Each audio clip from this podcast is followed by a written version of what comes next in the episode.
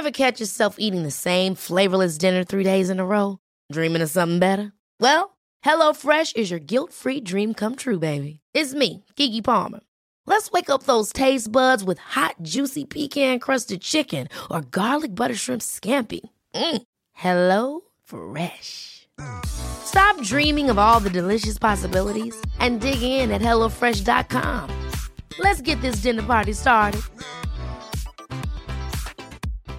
Hey, Dave. Yeah, Randy. Since we founded Bombus, we've always said our socks, underwear, and t shirts are super soft. Any new ideas? Maybe sublimely soft. Or disgustingly cozy? Wait, what? I got it. Bombus. Absurdly comfortable essentials for yourself And for those facing homelessness. because one purchased equals one donated. Wow, did we just write an ad?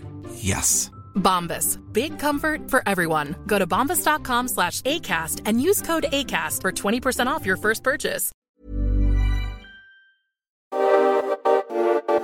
Ni lyssnar på Bagge och Brobacke Podcast. I 30 minuter varje vecka kommer vi ge vår syn på marknaden med fokus på pris, makro och sentiment. Välkomna! Äntligen var det dags för avsnitt 29 av Bagge och Brobacke Podcast. Vi är tillbaka vid mickarna. Det är onsdag den 10 november 10.25 förmiddag. Hur står det till David? Eh, jättebra, tack. Tycker Kul att har en avslappnad, eh, skön stämning i studion. Ja, om det var, om det var liksom skarp stämning förra gången så är det lite mer loose idag, eller vad säger du? Mm, ja, Mm. från eh, vissa delar kanske. Ja. Du, eh, jag låter dig inleda som du alltid gör så bra. Vad har hänt? Har vi någon eh, recap på senaste veckan? Jag höll på att säga nej, men det är klart jag har det. Eh, eh, det som var förra veckan då, som vi eh, lyfte fram som två grejer, eh, det var ju Feds möte på torsdag, onsdagskvällen eh, och sen då den här non-form payroll-siffran på fredagen. Då. Eh, vad gäller Fed då så eh, trodde jag ju för en gångs skull att det kunde bli lite action. Det blev det inte den här gången heller. Eh, utan det, det man sa var ju att man, ja, egentligen helt i linje med förväntan, man inledde tapering, precis som väntat. 15 miljarder dollar i månaden, eh, precis som väntat, med start i mitten av eh, november. Eh, Nordea exempelvis låg ju och, och väldigt högt i sina estimat, upp mot eh, 20, upp mot 30 miljarder dollar i tapering.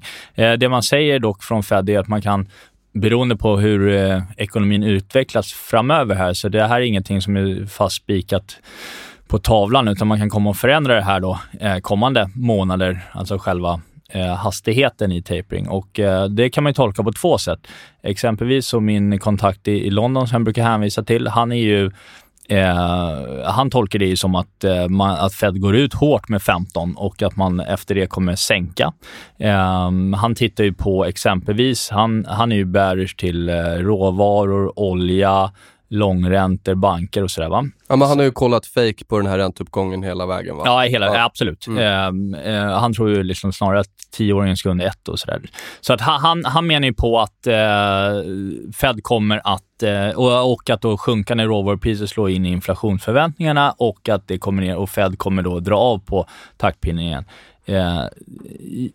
Det kan man liksom, det är det är ena sidan av myntet. Den andra sidan av myntet det är ju då Micke Sarve och Nordeas makroteam då som har kanske mer ordentliga liksom, eh, modellbyggande bakom det här va? och, och lägger in betydligt mer variabler än än, eh, än tillgångar som handlas på börs, utan mer titta på eh, räntekomponenten exempelvis i, i amerikanska eh, hyror, som, som eh, har ju varit väldigt kappad un, under lång tid under pandemin, för att landlords har inte fått höja hyrorna, eh, men gör det nu, som kommer slå in i KPI kommande månader. Du har begagnade bilar som är på rise igen i USA. Eh, och du har ett löne, eftersom det är så tajt arbetsmarknad på sina håll då, eh, har ju ett, lönetryck som ligger latent och som kommer stiga. Då. Eh, så att eh, jag pratade med Steno, eh, med, eh, Andreas Steno Larsen som hastigast i morse. Eh, och eh, han hänvisar till att eh, Sarves egna då, de här inflationsmodellen som han pratade om när han var i podden i våras, eh, de går helt bananas på uppsidan nu sista veckan. Eh, och, Så en, den siffran som kommer idag, mm, det kommer en siffra 14.30 idag, ja. Mm. Eh, väntat är ju plus eh, 5,9 procent i årstakt, vilket i sig skulle vara den högsta siffran sedan 1990. Då. Eh, men, men, det är klart, det är ju en, en siffra som kan skapa rörelse i den här veckan, om inte annat. Så att, och de är mer, de är också inne på nu då, Nordea, då, att vi kommer se tre räntehöjningar från Fed 2022 och tre stycken 2023. Eh, vilket är väldigt liksom hawkish. Eh, det är inte riktigt, marknaden prisar in två räntehöjningar för 2022 exempelvis. Eh, så de, de är inne på liksom att den här inflationsbrasan eh, kommer ta fart på uppsidan och återigen, i så, om det stämmer så är det återigen så att eh, både Fed och en hel del andra centralbanker är ju liksom behind the curve igen, vilket inte liksom vore första gången heller för den eh, delen. Då. Men det blir väldigt intressant att, att följa. Alltså då vill jag veta, David Bagge, vad är det tioåringen gör just nu? Det oroar mig. Och även tyska tioåringen oroar mig. Varför är vi på väg ner under 1,4 i amerikanska tioåringen? Det vill jag inte se. Eh, det känns inget stabilt. Bonden ligger ju före. Den är ju faktiskt, om vi kollar på, eh, på räntegrafen så har vi ju faktiskt gjort en rejäl dubbeltopp nu. Stigande bottnar kan vi hävda då, då eh, fortfarande mm. eh, i, den, i, i, den större trenden. Men på kort sikt så vill vi kanske inte se att räntor rusar neråt i ett Nej. positivt aktiescenario. Jag skulle dock tro att de bottnar här. Vi får en resa upp mot nyår igen i dem då. Uh, men det jag, det jag tycker i så fall är lite häftigt i det hela, det är ju att det är en väldigt stark liksom, resilience i bankerna, får man ändå säga. Mot, mot den här senaste 10, 2-3 veckans räntenedgång. Mm. Du har inte sett några större dropp i, i, i bankerna. Och, och framförallt liksom. inte aktiemarknaden generellt. Nej, nej. Alltså nej, du ser ju, jag menar som olja såg ut att nästan göra nya högsta, koppan börjar vända upp. Så att, absolut, kommer vi in på råvaror och framförallt kanske aktiesidan så är det ju massa saker som verkligen har utvecklats till det bättre. Mm. Vi kan se transports testar all time high, vi kan se eh, SOX Semiconductor som för mig är två otroligt viktiga sektorer. Mm. Eh, pratade om, om det förra veckan också, att, eh, liksom att eh, Transports toppade i eh, i maj och, och, och Semis i februari och nu bryter båda dem upp. Det är ju inget svaghetstecken överlag för aktiemarknaden utan det är ju ett styrketecken. Ja, eh, min, min oro, och nu ska vi säga så här också att det skulle faktiskt kunna vara så att vi får en stor motrörelse i räntan den här veckan. Kommer in mm. stora inflationssiffror imorgon. Eh, ni vet ju vad jag tycker. Det handlar inte om dagsrörelser utan hur veckan stänger. Då. Eh, så, så får vi in att vi får en bra studs upp och, och, och över och vi liksom eh, trycker, trycker upp över 1,4. Vi är ju över 1,4 nu men liksom att se att räntor börjar ralla in i veckostängningen. Det är ju positivt. Men jag gillar inte vad, vad som händer i bunden eh, och inte tioåringen heller. Så skulle det här, alltså är vi här när veckan stänger, då skickar jag ut hela den blankningen av bond som vi tog i somras. Mm. Eh, eller som jag tog i somras. Mm. Hur har du tänkt med dina räntederivat där? Är ni kvar i, i ja, allting? Vi, och är det vi, någon rörelse eller några nivåer som skulle få er att, att, att stänga dem? Ja, det blir väl eh, vi vill inte ha en veckostängning. Jag menar, den amerikanska tiden bröt ju upp över de här 1.38, 1.40. Skulle det komma under där, ja då ser det ju mm, liksom sämre ut helt klart. Jag tycker dock att eh, vi hade en väldigt stark impuls och haft en paus i den. Eh, jag tycker nog ändå att det faktiskt saknas någonting på uppsidan. Att vi skulle kunna komma upp mot typ 1.70, 1.75 på amerikansk tioåring in mm. i, in i eh, mot nyår. Men det är inte givet att vi liksom Sen får vi se lite av hur det, mm. om det stämmer, hur högt det ska efter. Då. Mm. Men, um... Vi ser ju det i, uh, lite i guldtraden också som har ja. börjat stärkas. Ja, visst. Både på ett absolut basis, där jag tycker om man kollar på terminen så ser det bra ut en bit över 1800 även om man kollar, nu tar jag fram GLD som är en, eh, den här guld-ETFen. Mm. Där gör vi en ganska snygg grej också rent tekniskt. Stor kilformation. Typ. Ja, exakt. Så den, och då kan man kolla på relativ basis också. Eh, jag gillar ju guld-koppar-ration mm. eh, och den har ju verkligen gjort en stor rund botten här. Eller försöker att göra en stor rund botten då.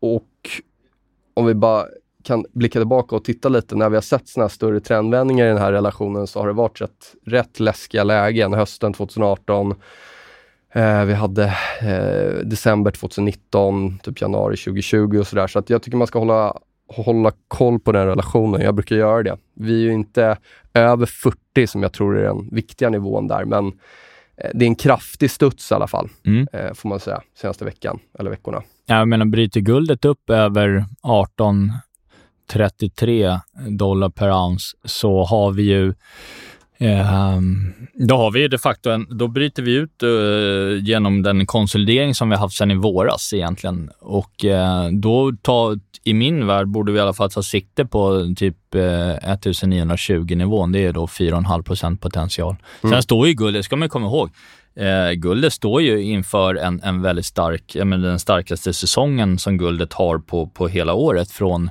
november till eh, februari. Det är framförallt januari brukar vara den starka månaden. Just det.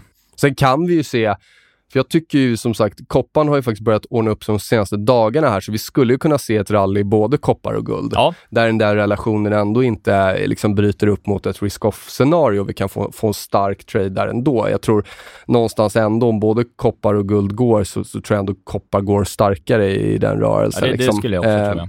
men, men då måste vi väga in dollarn här Exakt, också. Då. Och exakt. dollarn är ju den andra grejen utöver räntorna som verkligen är som en, en riktigt, riktigt jobbig sten i skon. Alltså jag funderar kring vilka implikationer som det kommer få på breda eh, makrotillgångar om vi får en riktig spik upp i dollarn här.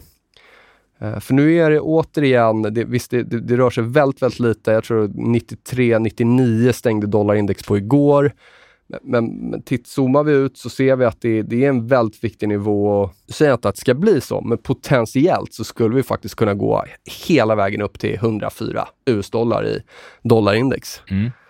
Eh, och, om det här squeezar. Och jag menar, det är ju ett scenario där jag tror att aktier säljer av hårt. Ja, och det... det, det Och jag, jag som är som är... från Q1, det, det gör ju ingenting för min del om det skulle bli så. Nej. Men, men, men, eh, men eh, Frågan är vem som är redo för det.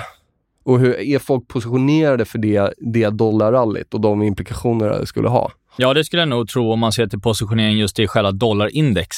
Men, Ja, men inte om om- du ser till hur eh, tillgångspris har handlat Nej. eh, generellt, börser och så vidare. Skulle du säga att det är flera, val- om vi, dollarindex är ju någonstans, det är, det är ju, det är ju ett, en korg, men om vi tittar på dem, bryter ner dem, kollar på eurodollar, dollar, eller punddollar, yen-dollar och så vidare. Är det fortfarande en crowded trade att vara lång dollarn skulle du Ja, säga? det skulle jag nog tro. Så det talar emot den squeeze-potentialen då skulle jag säga. Ja, det som kan hända, det är ju... Menar, ska, man, ska man tro på Nordea så med, med den räntehöjningstakten de ser i USA på två års sikt, de är ju väldigt eh, positiva till dollarn. Eh, det har de i och för sig varit hela hösten då, men, men, eh, men Det har eh, de fått rätt i. tror jag att eurodollarn i slutet av 2022 står på 1,08 eh, i deras estimat och den är på 1,15,5 eller någonting. Kommer du ihåg när alla pratade om par? Ja, nej, exakt. Var Det minns sen. man. Ja, det Mm. var ett tag sedan. Det blev Eh, ingen par. Nej, men ganska nära va? Mm. Men, Kanske eh, nu det ska bli då. Men, eh, men, eh, nej, men däremot så, jag kan väl ändå tycka när man tittar på typ eurodollarn och euron är ju 60% av dollarkorgen. Jag tycker ändå den liksom, jag, jag tycker det nästan ser ut som det är någon form av bottenbygge, men personligen trodde jag att dollarn skulle vara svagare tidigare än vad det liksom har blivit. Det kanske blir det nu, sista sex veckorna på året. Det kan det absolut bli. Exakt, det Eh, vore ju lite klassiskt att man suttit och sådär. Jag tror, tror många som har försökt att fånga den här eh, toppen i dollar har nog gett upp lite, för det Mm. har varit frustrerande. Mm. Ja, vi har exempelvis, Ja. vi, vi hade ju på, nu hade inte vi liksom någon jättedel av boken i, i, i kort dollar, men vi hade ju lite eh, terminer på eurodollarn, eh, men de släppte vi förra veckan. Eh, ja, jag tror att det, efter senaste terminsrullningen så blev det typ plus minus noll affär. Eh, men det, det var mer också för att vi tyckte att eh, det borde ha, liksom, ha skett. Men det är mycket möjligt att det och skulle vi få en dollarförsvagning nu sista sex veckorna på året så är det bull råvaror. Det skulle ju tala väldigt bra för guldet exempelvis, Absolut. som vi är inne på och även då faktiskt eh, emerging market som också är en region eh, som jag tycker har, borde också ha varit starkare. Sämsta sektorn får man ändå säga och då har vi ändå, eh, rela, eller då har vi ändå riktiga vinnare i det segmentet. Men Kina och eh, till exempel Brasilien drar ner otroligt mycket. Alltså, Indien går jättestarkt, men Kina har ju faktiskt inte hänt har ju faktiskt inte hänt någonting roligt alls, utan vi snarare har gjort två ny, nya lägre veckor här senaste veckorna. Alltså Ja. inte, inte nya lows, men i Nej. så att säga trenden. Så att, men att hoppa tillbaka till eurodollar där. Jag tror att så här risk-rewarden att vara lång eurodollar över 1,15 ser ändå väldigt, väldigt bra ut. Man kan definiera sin risk väldigt, väldigt Exakt. bra. Absolut. Eh, och ja, att försöka hitta de här extrema nivåerna, det är ju, man behöver ju så att säga, man kan ju ha fel ganska många gånger i den här typen av trades, för hamnar du rätt i trenden så, så kan det bli väldigt, väldigt bra. Mm. Och eh, varför är 1.15 intressant då? Vi kan se att det är tidigare toppar från 2020, 2019 eh, och så bröt vi över där egentligen förra sommaren. Och sen har vi inte handlats eh, under den nivån igen. Och nu Nej. återtestar vi den på vad jag anser är köpares sida. Då. Så 1.15 stora nivån att foka på i, i eurodollar för mig där. Då. Mm. Ja, men det är, så, FX är ju... eh, Det, det är så många variabler som väger in i valuta, så att det, det, är på många, det är ganska många gånger som man tror att rörelsen ska komma, men det är liksom... Det är, det är, en, det är en så pass stor marknad. Liksom. Ju, Världens eh, största. Ja, hyfsad likvid. Otroligt liksom. mycket behovshandel. Ja, Och jag vet från, eh, från länge sedan när jag bara handlade valuta eh, eh, på hedgefond så, så det är ju en marknad som mycket annat som minrevertar otroligt mycket. Mm. Ja, när det väl trendar så kan det trenda enormt men det är väldigt, väldigt, väldigt mycket minreversion. Mm, Um, något annat sådär, bara för att, om vi hoppar vidare på räntespåret, high yield. Du var lite oroad där för den. Den var ju nere vid 86 här va? För, Mm. eh, men den har Vi kommit trodde, upp lite. ja exakt. Ja. Vi sa ju då att den borde rent tekniskt stå inför en uppgång, men jag tycker fortfarande man ska bevaka den här 86,5. Det ska man göra. Ehm, för Vad- att det är inget liksom... eh, det är ändå en, en hyfsat stor divergens om du jämför eh, amerikansk high yield mot, eh, mot S&P exempelvis. Så är det. Men om jag vill vända på det nu då, säga så här. Långsiktig graf på high yield. Om vi är över 88, vilket vi inte har varit, om jag ser rätt här nu på grafen, sedan typ 2015. Mm. Vi har testat den nivån eh, liksom eh, under långa perioder, egentligen tre, tre intervall eh, sedan 2015. Om Mm. vi nu bryter över 88 så ser jag det som ett jättestyrketecken för high yield. Ja, det vore bra. Och det vore även bra, för där har vi ju eh, en, eh, som sagt, en ganska liksom, lite mer semilångsiktig in i våren eh, divergens, lite mer skrämmande divergens för, för, för börserna i stort. Och det är klart, skulle du se lite ordentlig risk-on där, då är det, det väger ju in i den positiva bilden. Sen vet jag inte riktigt hur man ska få ihop det med stigande räntor, för generellt så är inte high yield, gynnas ju inte av stigande räntor. Samtidigt så vill vi ju inte ha ett, ett, en krasch, alltså räntor som kraftigt sjunker, ett risk-off-scenario, för det gynnar ju inte heller high yield. Nej. Så mer en, en liten lugn ränteuppgång kanske, eller? Ja, skulle kunna vara det. Sen ska man ju liksom... I och för sig mycket energibolag, Ja, det det. olja Ja, ja, som det- innehåller det där, som har, har hållit ner det här indexet i många år, så det skulle kunna vara Ja. bullish för det. Ja, för de förbättras ju i en stigande räntemiljö. Sen tycker jag ju liksom, och det ligger ju latent hela tiden i bakhuvudet, det är ju, tycker jag, ändå skrämmande med den, kanske inte skuldsättningsökning i bland privatpersoner i världen. Eh, men amerikanska konsumenten har ju mycket, som har ju aldrig haft så här mycket pengar på fickan. De brukade ju leva från kreditkortsräkning till räkning. Liksom. Det är en helt annan, annan sparkvot i USA nu efter pandemin. Men bolagen, jag menar så mycket eh, bonds från eh, alltså, eh, korpsidan som sprutar ut på daglig basis. Jag tror vi har vi handlar ju det där och ser alla flöden. Det är ju liksom eh, många om dagen bara i, i, i Norden, vilket har varit också under hela liksom, ett och ett halvt års tid. Så att bolagen drar ju nytta av riskaptiten, tar in pengar när det går att ta in pengar och inte när man måste, vilket är helt vettigt att göra. När man då kan få en väldigt billig finansiering för att alla är så sugna på att vara med och, och köpa. Um, så det är helt uh, vettigt att göra. Däremot så jag menar, eh, amerikanska junk bonds kanske liksom inte ska handla med så här pass liten premie mot eh, statsrisken egentligen. Eh, och det är inte bara i USA, det är på många håll i världen. Så det där är ju liksom en... Eh, investerare tar ju väldigt lite, om man säger, kräver ju väldigt lite i extra kompensation för att ta risk i ett bolag som är egentligen väldigt hög risk i. Liksom. Utan man tittar ju bara på ratingen och liksom, ja men det är bra, då kan jag, det där det är inte så riskfyllt det där liksom med den ratingen mm. och sådär. Och det, det har vi ju varit med om eh, tidigare. Liksom, du, kommer ihåg, eh, du kommer ihåg alla subprime-korgar liksom, ratade AAA liksom. Det är bara att kolla på Big Short om man vill ha en uppdatering på ämnet. Så är det.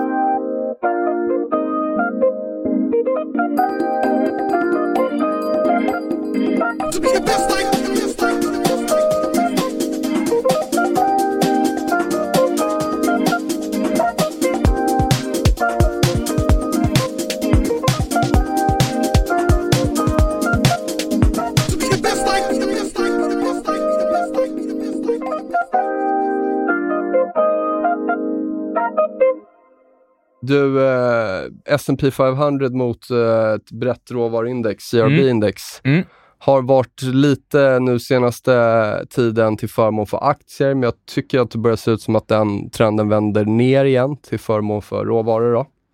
Ja, det, jag, man, jag, det var en väldigt stark impuls i det tidigare i ja. år eh, och har ju nu gjort en, liksom en en, en, eh, en korrektion, men, men en väldigt, liksom, inte alls impulsartad på nedsidan kan man säga. Det är ju liksom en glidande utför och det mm. där tycker jag ser ut som att du ska ha ett ben till upp i den där. Okej. Okay. I så fall skulle det då innebära att aktier, eh, och då definierar vi aktier i det här fallet som S&P 500, ja. eh, har lite förmån för råvaror ett tag till. Jag tycker snarare, om jag zoomar ut så tycker jag att det där är en ganska definierad nedåttrend och kan det röra sig i sidled lite till, ja men det, det är lägre toppar, lägre bottnar och det, det är det jag bettar på. Mm. Men det återstår att se. Mm. Eh, när vi ändå pratar eh, aktieindex så, så, måste man ändå lyfta fram den liksom, uppgången vi har haft. Eh, upp till i fredags hade vi ju 16 dagar av 18 som gick upp på S&P. Det är en winning streak som vi inte har sett sedan 1990. Um, och jag menar, för det har jag varit inne på de senaste gångerna. För vår del, eh, när jag tyckte att det liksom började bli lite läskigt i marknaden, men eh, valt att framförallt åka med uppåt med ordentligt med köpoptioner då, så har ju det varit en marknad som har liksom Eh, Eh, det är en strategi då där man plockar bort mycket av delta 1-risken, det vill säga hedgar bort rena styckeaktier, nordiska styckeaktier och sen rider kvar i calls. Och då har vi framförallt haft calls och terminer då på S&P. Eh, vi har termin på Nasdaq, eh, Stocks 50 och Stocks 600 och OMX. De OMX har ju inte levererat kan man säga i förhållande till de andra. Men vilka uppgångar alltså. Vi, vi, eh, vi, per fredag så, förra veckan gjorde vi 3% på totalen i, i, i lådan, eh, vilket är liksom den bästa veckuppgången på, på väldigt länge. Eh, upp 21 procent, 21,5 procent netto i år. Eh, låg volatilitet. Eh, så det vi gjorde i fredags eftermiddag efter att eh, alla svenskar hade gått hem, vi jagade upp en, en stackars dansk på Nordeas Trading i Köpenhamn och, eh, så vi stängde vår termin vi hade på på S&P på 4710-13 nivån, 10-13 nivån där.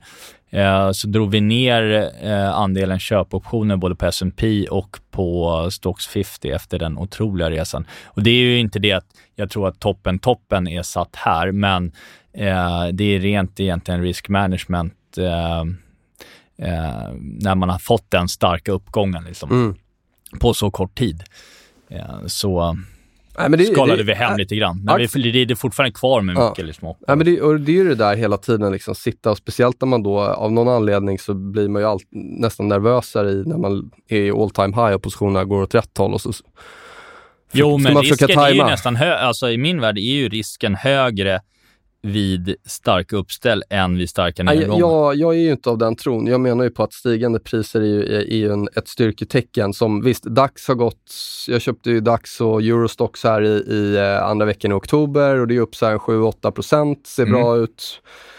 Eh, men, men jag menar ju på liksom att, eh, var kommer vi ifrån då? Jo, alltså vi har ju rangeat nu sedan i april. Mm. Eh, sälj, sälj, om du tittar på kortsiktiga spekulanter så är det fortfarande över 70% som försöker blanka den här uppgången. Mm. Eh, och, och Melt Up Boys, de vi hörde hela, hela vår och sommar där, Ja, det- de är ju de är borta. Liksom. jag tycker ju inte, jag hörde det i någon annan podd här, att, att alla björnar är borta. Det är ju för övrigt mitt citat från i juni, så tack sno inte det. Mm. Men eh, det, är de, eh, det är de inte alls det. Jag hör, hör många björnar och jag har hört det sedan oktober. Så eh, när, när, när det bottnade liksom. Så Ja, det är svårt, det är svårt, men vi måste ändå trada det som är framför oss. Vi kan vara hur oroade som helst för tioåringen och vixen och dollarn och allting, men om aktier fortsätter göra nya högsta, då är det det vi blir belönade för om det är det vi ligger i. Liksom. Mm. Jag tror Eh. dock eh, fortfarande, eh, som har varit min ståndpunkt senaste veckan, att Mm. man får ett bättre köpläge i slutet av november, början av december. Jag tycker att eh, det som... Jo, men det- exakt, det- så kan det ju vara, men, men risken är vad händer däremellan och vad har hänt sen det började kännas så också. Ja, det är Även om fördelen med... OMX har bromsat. Det är ju då eh, återigen fördelen med optionspussar. Så är det. Så är det. Att man liksom är med även fast risken i förvaltning kanske inte är skyhög. Så är det. Um, ska man säga något? eh, eh, Jag har med lite grafer på lite tekniska eh, funderingar och nivåer och sådär. Ska vi gå in på det? Kör. Eh, tittar vi på S&P då. Där har vi ju inga negativa divergenser i, i dagschartet. Det drog jag ut i, igår innan öppning. Sen hade vi väl en hyfsad, i och för sig sur session i USA, eh, drivet av Tesla på nedgången, eller på nedsidan. Eh, men men eh, tittar vi på RSI då, alltså styrkan i uppgången, så är det var den på 84. Eh, det är väldigt sällan vi har det faktiskt. Det, det har hänt nio gånger sedan 2010 Eh, att vi har den starka impulsen på uppsidan i, i S&P då. Eh, så även där är vi på ganska, ganska historisk mark får man ändå säga. Eh, jag gjorde en liten bara en okulär besiktning av det hela, det är liksom inga stora dataregressioner på det. Eh, men då har man vid samtliga tillfällen, utom två utav de här tjänste åtta då, har man kunnat köpa eh, S&P på lägre kurser inom två till tre veckor. Det är liksom tyngdkraften spelar in lite, men sen har ju också då vid i stort sett samtliga de här tillfällena har ju börsen fortsatt upp efter det då, vilket då spelar in i, i den bilden jag har också, att vi har mer uppsida att göra in till nyår och framförallt in i Q1 kanske då. Eh, så att, eh, men en rekyl ner mot eh, på S&P då, eh, 4552, det är den gamla breakout-nivån från eh, augusti-september-toppen inte alls speciellt konstigt om vi kommer ner dit. Det är dryga 3% härifrån. Skulle den ge vika däremot, då är det väl en del som kommer liksom börja prata om att det var en false breakout och allt det här. Eh, då har vi ju eh, 50 dagars glidande nere på 44,80 på S&P då. Det vore då ytterligare eh, 1,5 procent ner från den nivån. Så det är i så fall 4,5 från idag. Då. Eh, jag tror dock ändå att eh, det kommer vara ett, ett bra, ett bra liksom köp, köpläge för en resa upp mot 4 8 5 tusen in i, in i nästa år. Då, någonstans. Drog upp en liten eh, Fibonacci här på S&P. Det är, jag brukar inte kolla så mycket på det, men det som ändå är intressant är att vi faktiskt är vid en viktig FIB-nivå nu, 161,8 procent. Eh, om man tar då, tittar på, på septembertopparna ner till oktober och sen ja, Mm. eh, extrapolerar den där. Så att det innebär ju att vi är inne på andra veckostickan här, vad blir det, där vi konsoliderar vid den nivån så att det finns ju ett, ett klart, eh, så att säga, eh, det finns en klar teknisk punkt att, att eh, referera till varför det kan finnas en, en, liksom en, en konsolidering här. Mm, mm, mm. Eh, och då, då, givet att vi bryter över den, då din target 5, 4008, då, då skulle den där kunna ta sig upp till typ 5000 skulle vara nästa retracement-nivå. Mm. Eh, så att eh, tekniskt, även på veckobasis candlestick, så är det här en nivå av intresse för, för Fibonacci, eh, sådana som tittar på Fibonacci. Så det kan vara värt att, att nämna faktiskt. Sen vet vi hur det är med jämna nivåer. Det är ju väldigt sällan vi precis når. Jag menar, de som sitter och pratar 5000 på S&P det är ju i min värld troligare att det blir typ 4900 eller strax däröver, Mm. Eller men det är 5 ju- mot 2 Men det är ju typ. också semantik. Ja. För att det, det, är ju, det är ju rörelsen däremellan man är intresserad av. Sen Ja. om den är på 4, 8, 90 eller Nej, 5000, nej, det är ju, nej, det, då, exakt. man garvar ju ändå liksom, om Ja. man är lång. Så. Eh, Så är det ju. eh, nej, men om man tittar lite bredare då på typ ett eh, Nyse Composite då, det brukar vi ha med. Det är 4, 2400 aktier. Eh, där var jag inne på tidigare att vi borde få en negativ divergens i eh, dagsgrafen i mitten av november och nu närmar vi oss mitten av november. Vi är på den eh, 10 november nu.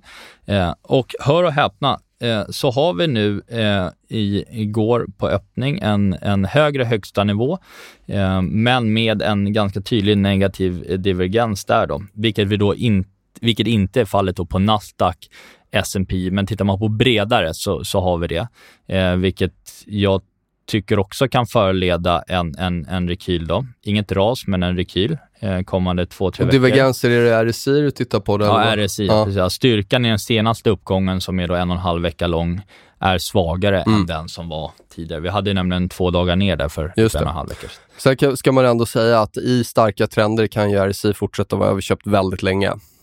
Och det kan ju Mm. vara ett eh, väldigt bullish tecken när vi kommer upp i överköpta territorier. Då. Ja, exakt. Men det är därför jag tycker det är intressant att kolla på när de börjar divergera. Just alltså själva när av, styrkan och avtal. Och det ser vi också R- risken bara med, de, bara, förlåt, men risken med de divergenserna är ju att man ser dem i, innan de faktiskt blir och sen så blir de inte. Det är lätt att se falska divergenser. Det kommer, Ja. det kommer komma många divergenssignaler i en, en stark bulltrend som aldrig spelar ut.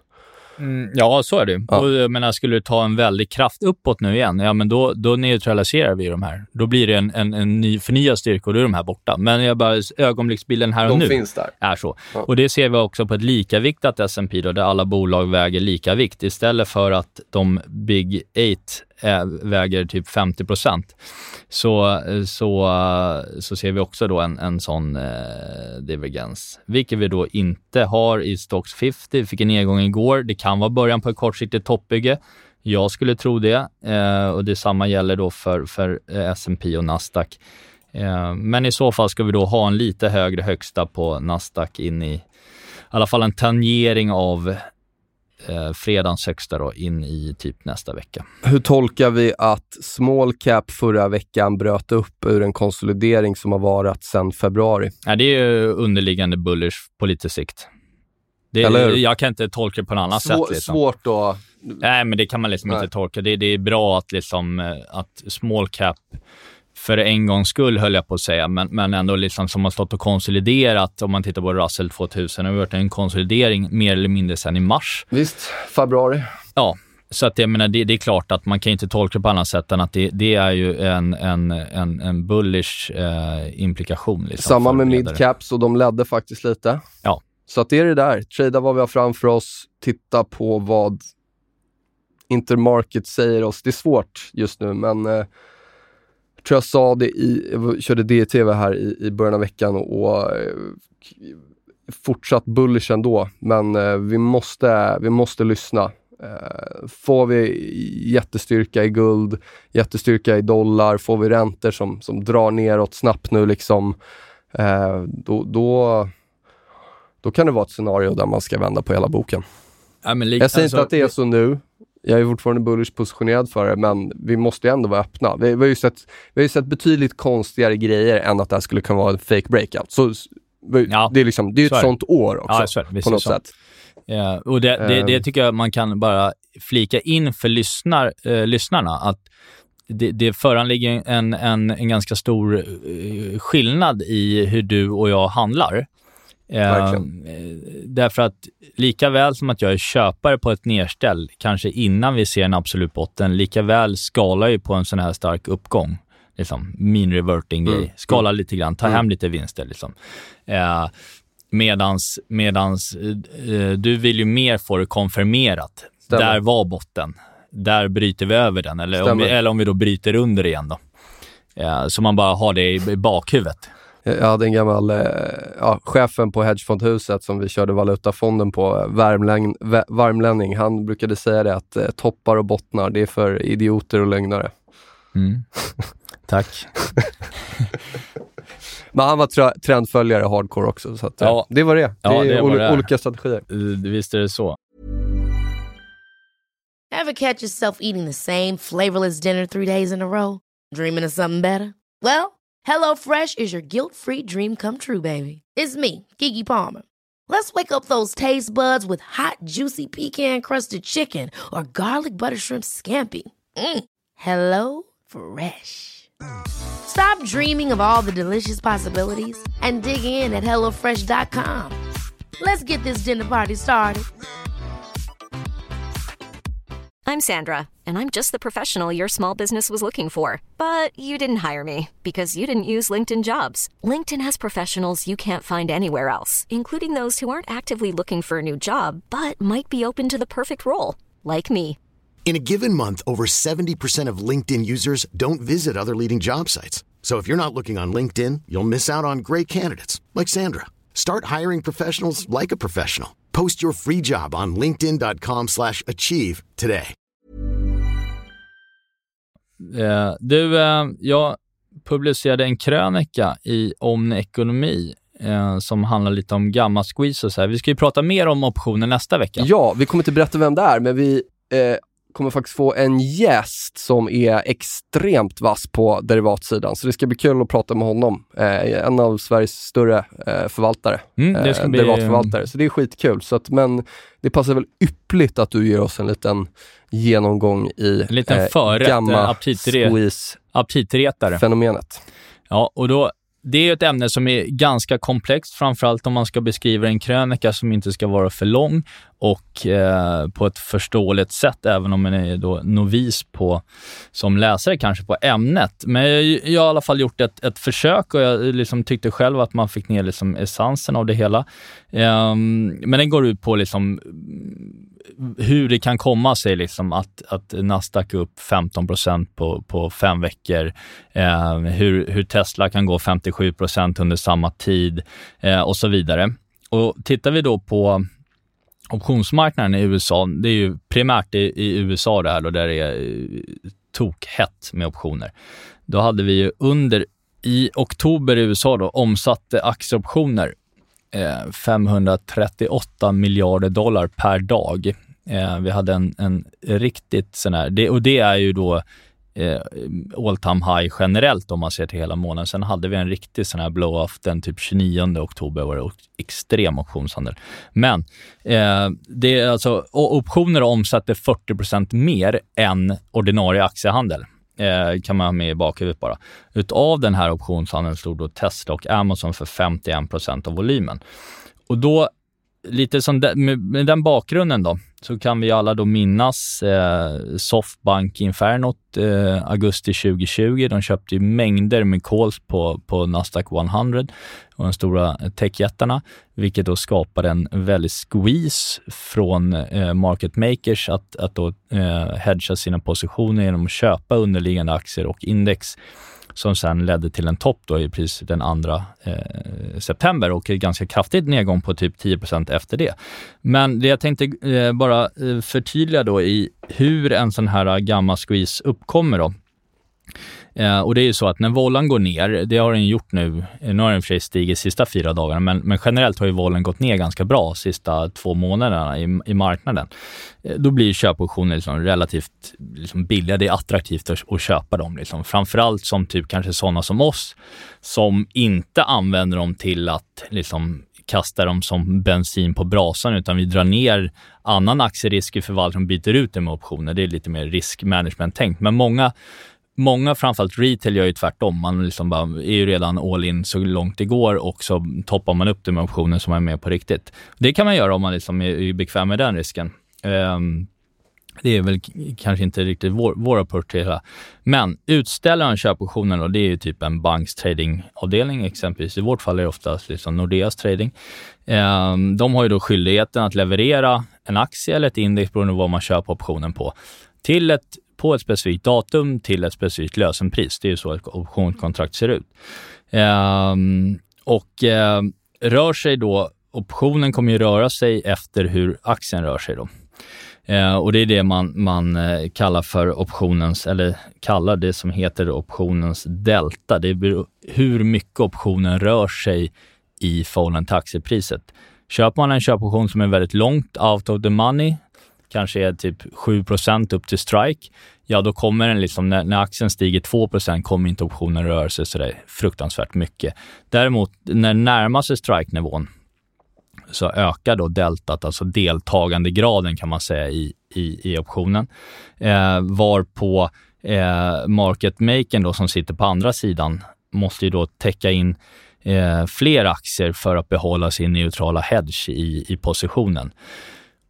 Vilket då innebär att då köper de den underliggande aktien eller indexet, vilket om många gör det här samtidigt, vilket är fenomenet eller har varit fenomenet i typ Tesla sista veckorna, kanske inte riktigt sista två dagarna, men där har vi baksidan däremot av det hela. Men, men då driver det ju också aktien högre och fler kanske kommer på att det här verkar gå bra. Liksom. Jag får nog köpa lite billiga köpoptioner och så liksom blir det ännu mer positioner på och så mer market makers som, som då köper in sig i, i marknaden eller aktien eh, och driver det hela, i hela uppåt. Och det är den Eh, det är då själva förändringen i optionens liksom, eh, priset som är, är då gamma. Eh, hastigheten i hur högt liksom, det här deltat rör sig. Då. Eh, och det är då det blir den här typen av gamma-squeezar då, som vi har sett exempelvis i Tesla senaste månaden. Eh, men jag skulle vilja påstå även har spelat in ganska bra i, i eh, i Nasdaq för den delen också. Inte minst genom att bolag som Tesla ändå väger typ 6,5 procent av, av index. Så det är både indirekt men även direkt om man köper direkt på. eh, och det ser man, tittar man på just Tesla, jag har liksom ingen vy på Tesla så, utan det här är bara fenomenet. Eh, så köpte man i, eh, i mitten av oktober, om man köpte ett, en, en, en, en call i Tesla eh, med lösen. Lös, eh, optionslösen är ju tredje fredagen varje månad. Det är alltså nästa fredag. Eh, köpte man då 1200 kolen i november, lösen på 1200 dollar, så kostade den typ något öre i mitten av oktober. Sen i takt med uppgången då så var den uppe och kostade 91 dollar eh, så sent som i fredags då när Tesla toppade. Eh, och den, där har du en typisk sån liksom gammal squeeze. Det var ju ingen market maker som trodde att de skulle behöva liksom vara rädda om den positionen, för den var ju väldigt långt mm. out of the money bara liksom tre veckor innan. Så det har ju gått rätt fort. Du måste ju då köpa otroligt mycket liksom underliggande aktier. Eh, förenklat, de kan ju köpa option också, men jag gör, gör förenklat för att det ska vara tydligare. Eh, vilket också då driver på eh, uppgången, uppgången i aktierna. Sen har vi då kommit ner kraftigt i, i Tesla sista två dagarna. Eh, kanske utlöst av att Musk ska lätta 10% av sin, sin holding då, och hans brorsa sålde 15% av sin holding i, i fredags. Eh, men, men, men där ser vi baksidan av det hela. Då måste ju market makers jaga det här på nedsidan istället. Mm. Då, liksom. Och samma option kostar nu liksom 17 dollar istället för 93 för två dagar sedan. Så att, eh, en liten, en liten liksom crash course i, i, i gamma-squeezar. Och just eftersom att optionshandeln har primärt i USA då blivit så otroligt stor, även ur ett historiskt perspektiv, så liksom måste man gå tillbaka sedan 99 för att liksom mm. se den här typen av aktivitet på just eh, optionssidan i USA. Och där måste och, man... Ja, eller vill du... du kan, nej, och det gör ju liksom... Egentligen så är det ju liksom... Jag menar, jag har en graf framför mig där vi står Nasdaq 100 99 mot Nasdaq 100 2021. Jag menar, du vet, det, det, det finns ju egentligen... Det finns ju ingenting som talar emot egentligen att den här liksom spekulationshysterin från optioner avtar direkt nu heller, utan du kan ju få en, en riktig squeeze på det här egentligen upp till typ februari. Vad bra att du säger det, för att så här då, även om det är nya namn, det är nya instrument, det är kanske lite annan mekanik, Mm. så har ju short squeezar och såna här rallyn Mm. funnits i alla år, i alla tillgångar. Ja, ja, oh ja. Eh, det- det är ju Tulpanlökarna ja, men Det är ju exempelvis. prispsykologi liksom. Ja, det Eh, och, och, och sen kan vi, sen, sen ser vi det i olika format i, i, i liksom eh, beroende på vilken eh, tids, tid vi är i då. Eh, så att, men, men eh, sen så blir det ju återigen såklart, nu var det, ja men bara igår liksom var det taxichaffisen hem, frågade mig om aktier. Nu kände Mm. han igen mig så det kanske var därför. Men du vet på krogen var det någon som frågade också. Så, här. så att det är ju, du brukar ju säga det, vi är sent i cykeln. Mm. Men hur sent i cykeln? Nej, exakt. Det var många som gick bast på Blanke Eriksson 99 liksom. Nej, men det, och det, det är för tidigt att, att liksom korta det här. Eh, däremot så skulle jag vilja påstå att eh, det, eh, vår strategi är att fortsätta rida det innan vi har fått, om vi får vi en rekyl in i början av december, ja då kommer jag ju vara sugen på att addera aktierisk igen. Så är det, och det kommer jag göra. Eh, För det är ju inte så att, det är inte som det var i februari 2020 att alla hade tjänade pengar och liksom att allting, det är ju snarare så nu, det är hög spekulationsgrad i de här Mm. optionerna, men i alla fall om vi tittar på hemmaplan så känns det ju mer som att breda massan har torskat pengar. ja, sen i mycket. april, ja, Ja. ja. exakt. Det var ju då mycket toppade. Så du har du har ju Svenska inte det här... meme-stock som man säger. Ja, och så du har ju inte det här, du har ju, du har ju inte det här extremt tiltade sentimentet eh, på samma sätt, även om aktiviteten är hög. Mm. Mm. Nej, och det, förmodligen är det väl så att eh, den största pain-traden... Nu ska vi se här när vi får Mm. nästa den här Bank of America-rapporten. Vi kommer ihåg hur den såg ut i Japp, oktober. Det var ju den bä- mest bäsade på ett och ett halvt år. Höga kassanivåer och så Mm. vidare. Perfekt botten. Ja, och den, förmodligen har ju inte den, den har nog kanske inte svängt, svängt skarpt bull. Eh, det, det skulle väl kanske vara förvånande, men det är många som har i alla fall inte gillat den här uppgången om man säger så. Då. Eh, vilket gör att det kanske absolut kan saknas någonting på uppsidan, att det ska bli en riktig sån här bananas liksom. Sen får vi se hur högt det tar oss, men eh, jag skulle nog, i alla fall med vår typ av liksom risktänk i vår förvaltning, så, så eh, rider vi ju hellre det med liksom optionspositioner. Vad är det han säger, liksom- krokodiljägaren? You call that a knife? This is a knife! Eh, exakt, exakt. Eh, nej, men så att vi, vi, är inne, vi är inne i den typen av fasen där det skulle kunna bara liksom, ja, vi kastar liksom allt åt sidan och liksom, vilket eh, inte borde, absolut inte första gången och inte sista gången heller. Vi, vi som har tänkt att vara kvar 30 år till i marknaden kommer se det ett par gånger. ja, människor förändras inte, Nej. Wall Street förändras inte, eh, namnen och produkterna och så vidare kan ju förändras och sådär. Och vad som är hett och så. Men mänsklig psykologi brukar ju kvarstå. Så är det verkligen. Bra! Är vi eh, nöjda och glada? Otroligt nöjda och eh, ännu gladare kanske. Ja, vad Mm. bra. Tack för att ni lyssnar.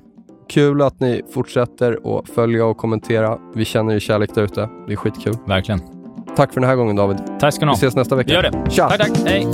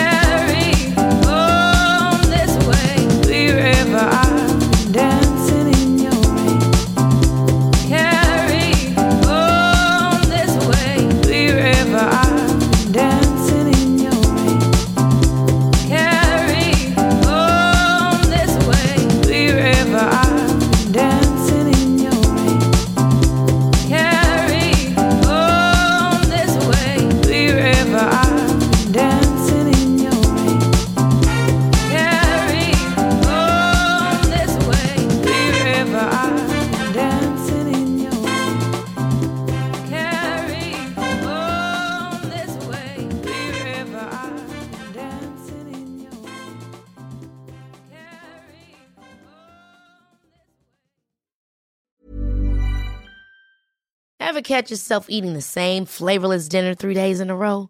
Dreaming of something better? Well, HelloFresh is your guilt-free dream come true, baby. It's me, Gigi Palmer. Let's wake up those taste buds with hot, juicy pecan-crusted chicken or garlic butter shrimp scampi. Mm. Hello Fresh. Stop dreaming of all the delicious possibilities and dig in at HelloFresh.com. Let's get this dinner party started.